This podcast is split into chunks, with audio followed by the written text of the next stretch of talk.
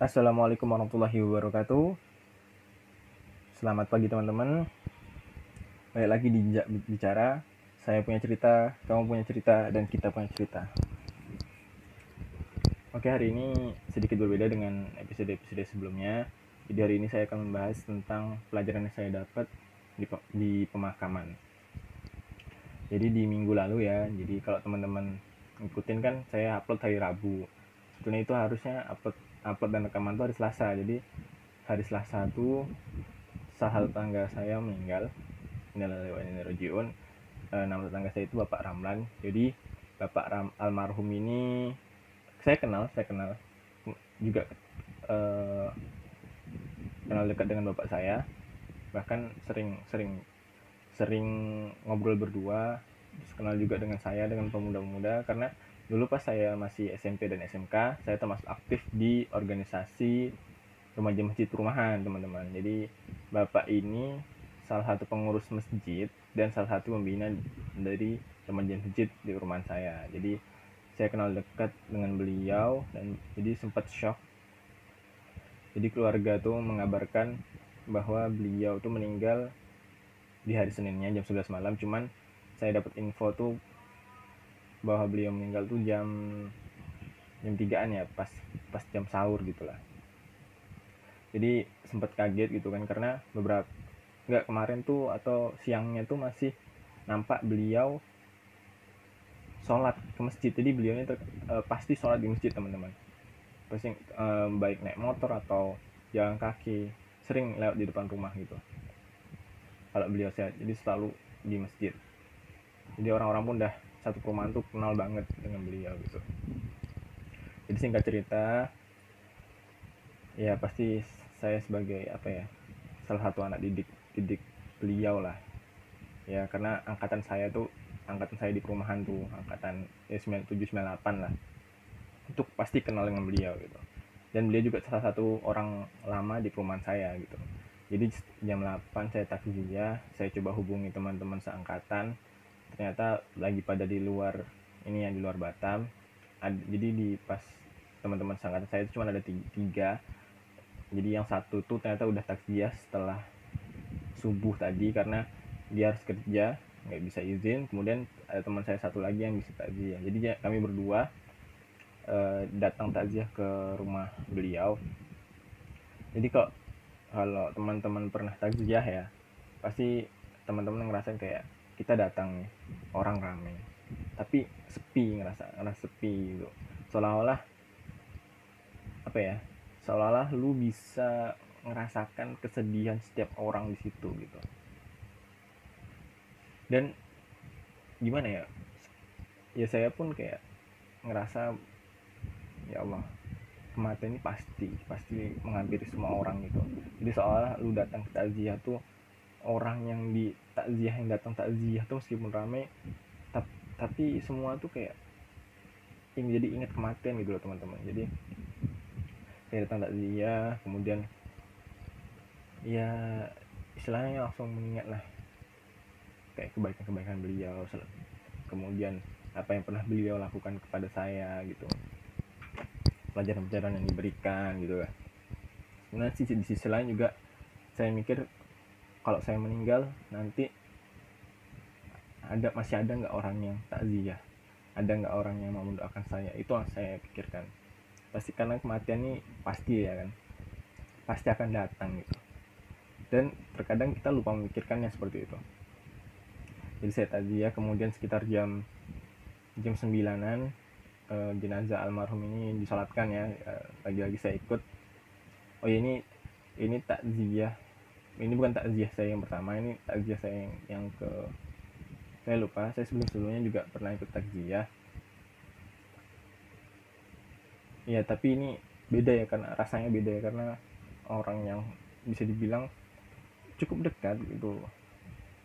Jadi jam sekitar jam 9 disolatkan di masjid perumahan kemudian pas pas teman gimana ya pas lu nyolatin orang meninggal tuh pasti dalam hati lu kayak mikir kayak nah, besok kalau gue meninggal eh, besok kalau saya meninggal tuh ada nggak sih?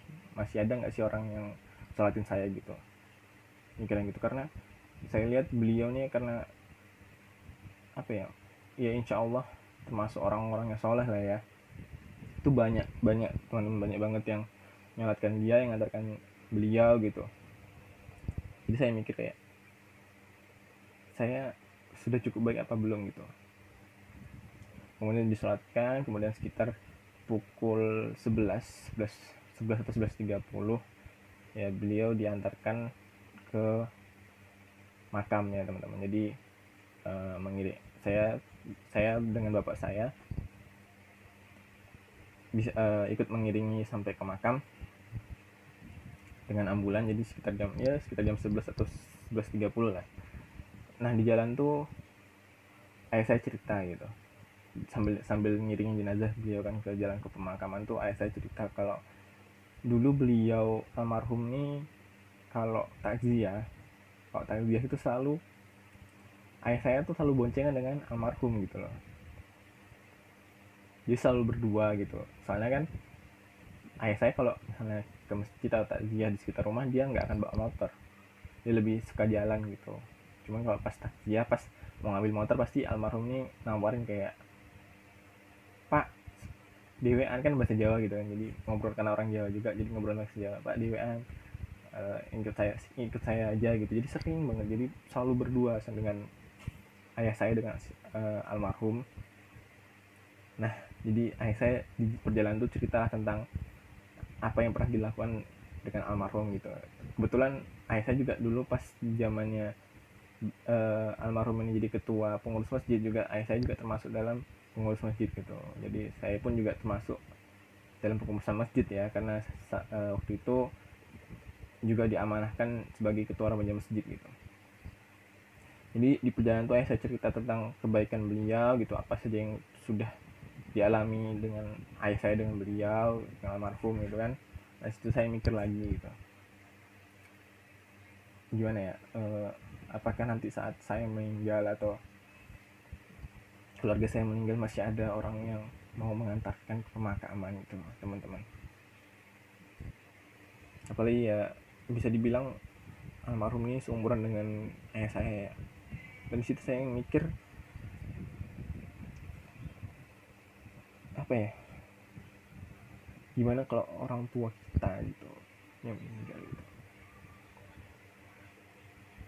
saya nggak mikir ke saya diri saya. Saya langsung mikir gimana kalau orang tua saya meninggal teman-teman?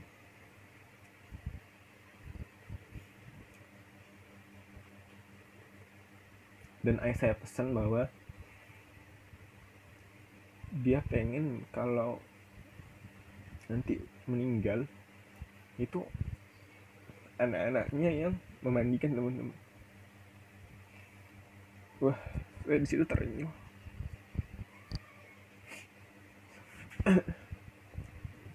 eh saya tahu teman-teman uh, apalagi saya anak pertama ya. Anak pertama di keluarga saya. Nggak tahu kenapa. Wah itu kacau saya nggak bisa mikir apa apa lagi.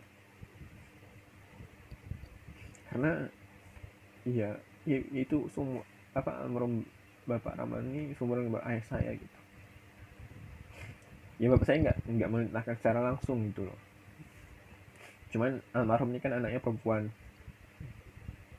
Jadi uh, almarhum ini tinggal di, di rumah saya itu cuma bertiga. Jadi istri almarhum dengan anaknya anak anaknya tunggal perempuan. Jadi di perjalanan itu saya coba nanya gitu.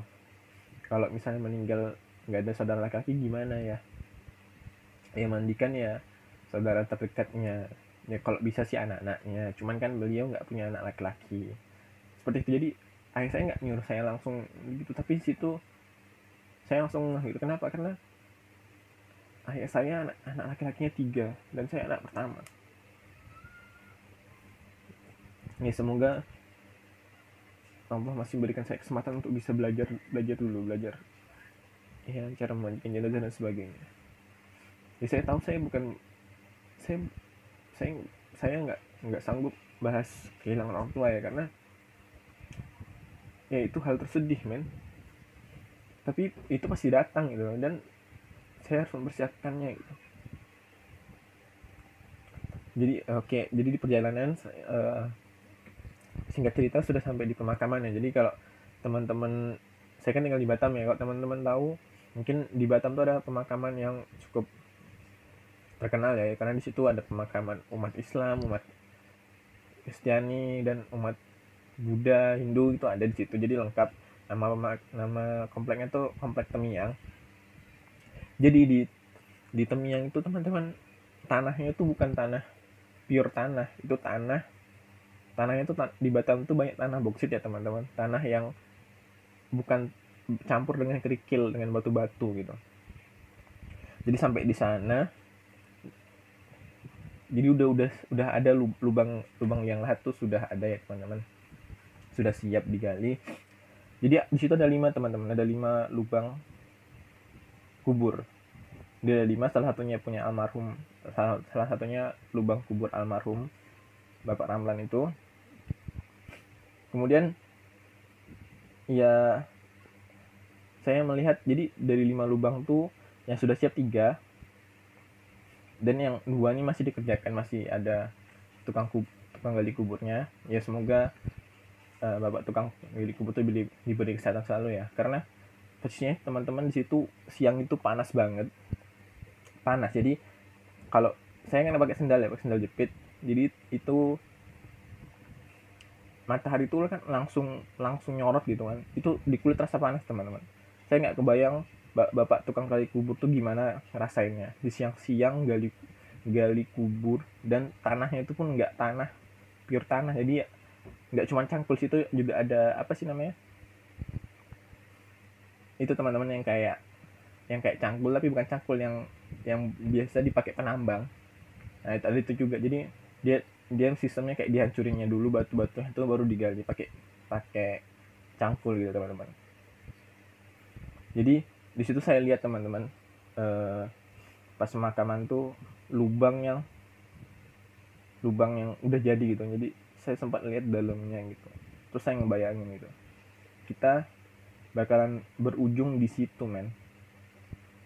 Itu rumah peristirahatan terakhir di dunia gitu. Lu, lubang yang lebarnya lebar panjangnya tuh 2,5 kali 1,5 meter kalau nggak salah teman-teman. Yang dalamnya kurang lebih sekitar 1,5 meter dan kan kiri itu tanah teman-teman. Nggak ada nggak ada TV nggak ada kasur.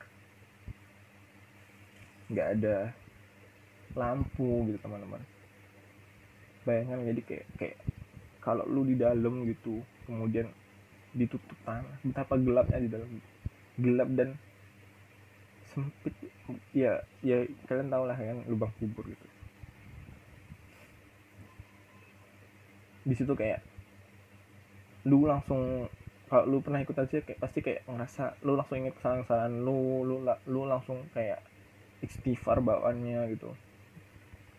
Dan banyak penyesalan yang muncul gitu. Kayak misalnya waktu luang yang seharusnya kita bisa pakai buat ibadah buat ibadah sunnah baca Al-Quran. Lu masih kayak lu pakai buat mungkin main game seharian atau malah tidur gitu loh. Sedangkan ujung-ujung lu bakal tidur juga gitu tidur di kubur gitu loh. Gitu jadi setelah saya mengikuti prosesinya kemudian gimana almarhum diangkat jenazahnya dimasukkan dalam kubur. Situ saya langsung langsung mikir lagi nanti saya, ketika saya meninggal masih masih ada nggak orang yang mau makamin saya yang mau angkat jenazah saya ke dalam kubur untuk terakhir kalinya. Orang yang mendoakan saya. Jadi jenazah dimasukkan kemudian ya seperti prosesi pemakaman biasa ya teman-teman. Kemudian setelah selesai dibacakan doa-doa diazankan ditutup dengan tri, apa triplek ya, ya jadi teman kalau misalnya uh, dikubur tuh nggak langsung tanah jadi ditutupin pakai triplek itu kemudian baru ditutup lah kuburannya itu. Ditutup liang lahatnya dengan tanah lagi. Eh, ditutup kemudian ditancapkanlah batu nisan teman-teman yang bertulis nama almarhum. Dan nanti dan masalah waktu aja kita bisa menyusul di mana di, di nisan tuh bakalan tertulis nama kita nanti. Jadi gimana teman-teman? Itu betul-betul bagus banget ya buat kita buat apa ya yang buat nyadarkan kita. Saya juga pernah ikut kajian salah satu kajian kajian Ustaz Abdul Somad di mana kalau kalau lu pengen lu pengen betapa beruntungnya lu itu sering-sering ke rumah sakit. Dan ada dua hal itu sering-sering ke rumah sakit melihat orang sakit dan sering-sering melihat orang mati kata Ustaz Abdul Somad. Dan itu yang saya rasakan teman-teman. Wah luar biasa sih. Luar biasa kayak apalagi yang meninggal tuh orang yang lu kenal gitu. Wah itu rasanya beda teman-teman. Jadi ini masih ada beberapa hari lagi sebelum Ramadan di mana bulan ini bulan pengampunan bulan penuh berkah bulan dikabulkannya doa-doa. Ya mungkin bagi lu yang masih kayak seharian tidur atau main game yuk kita sama-sama manfaatkan waktu yang ada gitu untuk berubah jadi setelah kejadian itu teman-teman kalau ya saya saya masih suka kayak ini kan liburan banyak waktu kan ya. Jadi saya masih suka main game tapi setidaknya inilah teman-teman kalau misalnya lu ngabisin waktu buat tidur atau main game setidaknya ibadah wajibnya jangan dilewatkan kayak sholat sholat fardu gitu. Sholat, ibadah wajibnya teman-teman. Kemudian setidaknya lu sehari itu adalah ibadah sunnah atau baca Al-Quran gitu. Jadi sebelum lu main lu kita hitung-hitungan aja lah. Misalnya lu main game atau lu tidur berapa? Dua dua jam tiga jam empat jam. Coba luangkan nggak usah banyak banyak mungkin sekitar 15 menit atau sampai setengah jam aja baca Al-Quran gitu. Itu udah lumayan banyak teman-teman. Itu saya udah saya coba mungkin setengah jam tuh lu bisa dapat satu jus teman-teman. Satu jus Al-Quran. Bayangkan kalau misalnya tiga jam atau empat jam tuh lu manfaatkan buat baca Al-Quran lu bisa dapat 8 jus. Ya itu teman-teman pelajaran dari yang saya dapat. Jadi kalau kita nganterin orang apa ke liang lahat tuh banyak yang bisa kita bayangkan. Misalnya kayak apakah nanti kita apa kita sudah berbuat masuk orang-orang yang baik atau atau adakah masih adakah orang yang mau mengantar. Sama gini teman-teman kayak saat lu nganter jenazah ke makam tuh kayak istilah gini lah. Kayak lu konvoy gitu sama teman-teman lu. Tapi bedanya lu di ambulan lu di mobil teman-teman lu di luar ngirimin lu. Dan ketika dia sampai ke pemakaman bedanya teman-teman lu bakal pulang ke rumah dan lu bakal tetap di situ gitu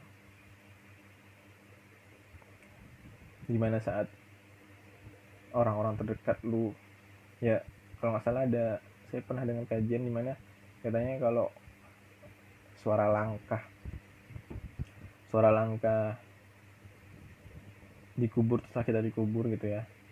Soal langkah terakhir sendal tuh terdengar ya terdengar pergi itu langsung ditanya oleh malaikat. Seberapa siapkah kita? Ditanya oleh malaikat. Yaitu introspeksi diri buat kita semua ayolah teman-teman kita manfaatkan sisa-sisa terakhir di bulan Ramadan ini.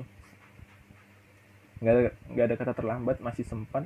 Yuk kita sama-sama sama-sama manfaatkan. Semoga kita termasuk orang-orang yang soleh teman-teman. Dan semoga kita diwafatkan dalam keadaan keadaan husnul fatimah amin amin ya rabbal alamin. Oke itu sedikit cerita dari saya.